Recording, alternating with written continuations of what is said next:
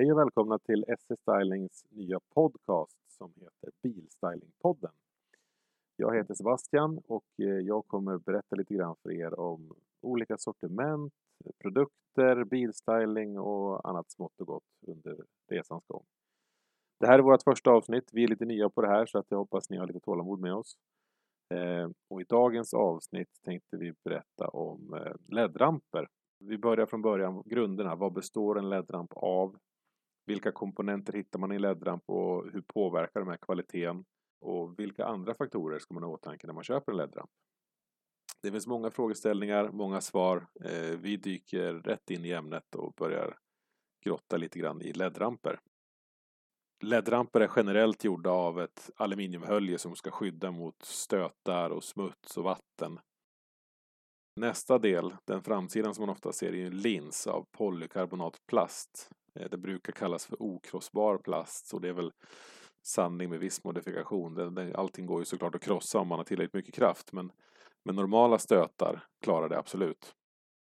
Till skillnad från eh, till exempel glas så, så blir det inte sprickor i polykarbonatplasten om det skulle få ett stenskott.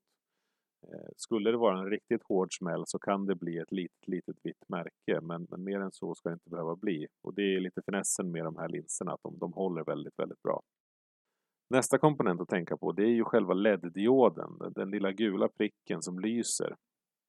Eh, och de tillverkas ju av väldigt många olika märken. Där behöver man ha lite koll på, på vilka märken som är bra och inte. Köper du ett märke som till exempel Cree, Osram eller Philips så kan du nästan alltid veta att det är en bra LED. Sen har ju de självklart inom sina varumärken både sämre och bättre eh, leddar. Men eh, det, det, är en bra fingervisning för att hitta en bra produkt. Nästa sak att tänka på, det är kabel. Det här kan ju låta lite konstigt, men kabeln spelar faktiskt roll. Eh, har du en väldigt kort kabel när du köper LED-ramp och den inte är skyddad på något vis, alltså att den inte är tätad eller den har ingen kontakt eller liknande, så är det en riktigt stor eh, möjlighet för vatten att krypa in i LED-rampen. Och kommer fukt in så, ja, det gifter sig inte särskilt bra med elektronik som ni säkert kan förstå. Så att en bra LED-ramp har en lång kabel alternativt ett, eh, ett förseglat kontaktstycke. Ofta en DT-kontakt som det kallas. Nästa sak att tänka på är själva IP-klassningen. Vad är, det, vad är en IP-klassning? Det, det är kanske inte alla som vet och det är egentligen en, en klassificering för hur tät och skyddad elektronikprodukten är mot damm och vatten. Så att siffrorna som står, IP till exempel 67, då står sexan för att den är dammtät. Hade det varit en lägre siffra, 5, 4, 3, 2, 1, så hade det varit sämre dammtäthet i den. Sexan, då är den helt tät. Femman så är det, ja, ni fattar. Eh, samma sak gäller på eh, nästa siffra. Ju högre siffra, desto bättre tål den vatten. Eh, och de flesta LED-ramperna har som lägst 67. Och jag skulle säga att allt från IP68 och uppåt är riktigt bra LED-ramper. På IP68 så kan du sänka ner rampen under en meter vatten under en längre tid och den håller fortfarande vätan ute. IP69K den tål även högtryckstvätt. Med det sagt rekommenderar vi aldrig någon att köra ett högtryckstvätt mot någon form av elektronik. Det finns medel och annat som gör det mycket enklare. Nästa del att tänka på när det gäller LED-ramper, det är ljusbilder. Eh, det kan ju ha väldigt stor betydelse för vilken produkt man köper och vilket resultat man får. Eh, man får ju börja med att klura på vad har man för behov? Vad, vad är det jag behöver? Eh, och det kan ju variera lite grann på var man kör också.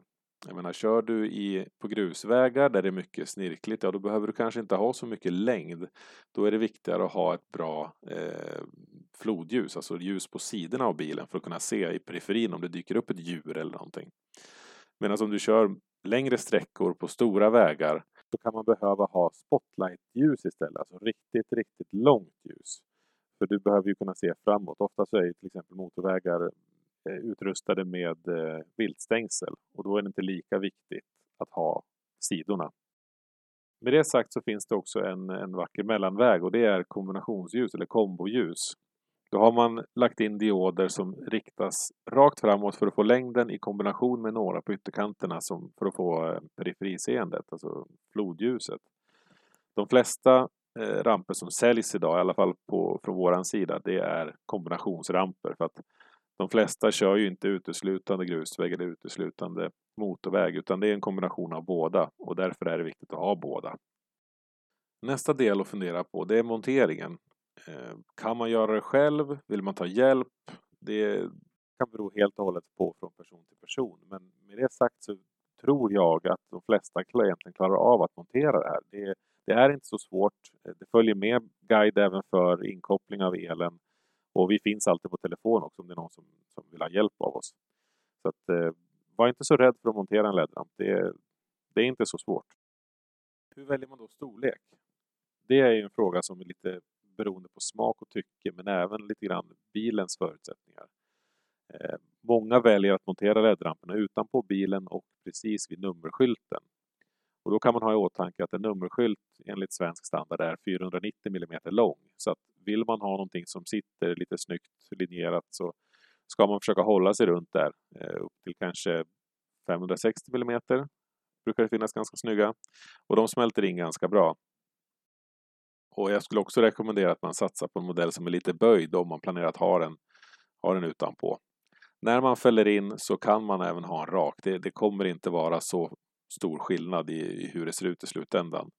En infälld ramp, till exempel bakom ett galler eller liknande, kommer se ut som en detalj som i princip följer med bilen.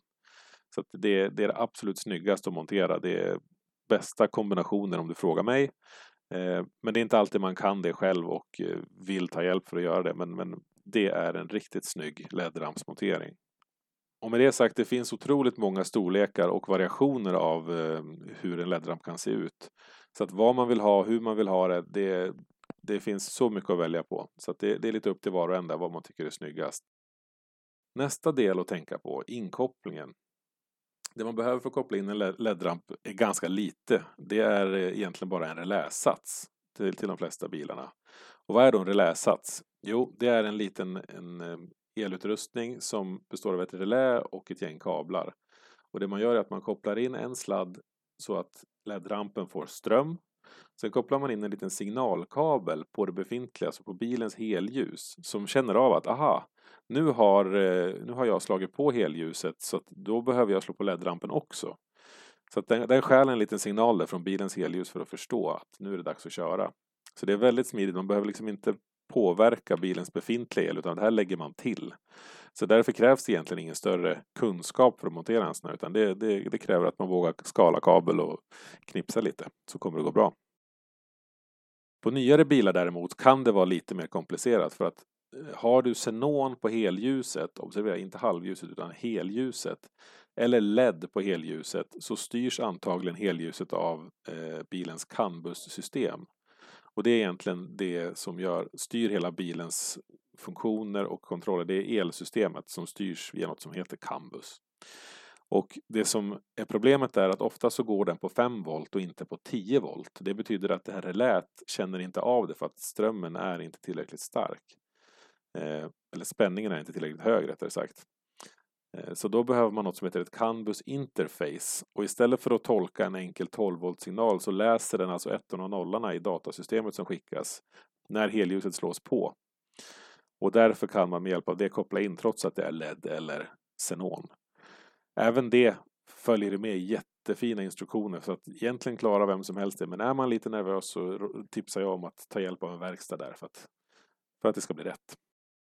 Okej, nu har vi lite grunder, vad, vad man ska tänka på när man köper en LED-ramp och vad det finns för någonting att tänka på kring LED-ramper. Men vad gäller då för produkterna? Vad ska jag köpa? Hur, hur vet man vad man ska köpa?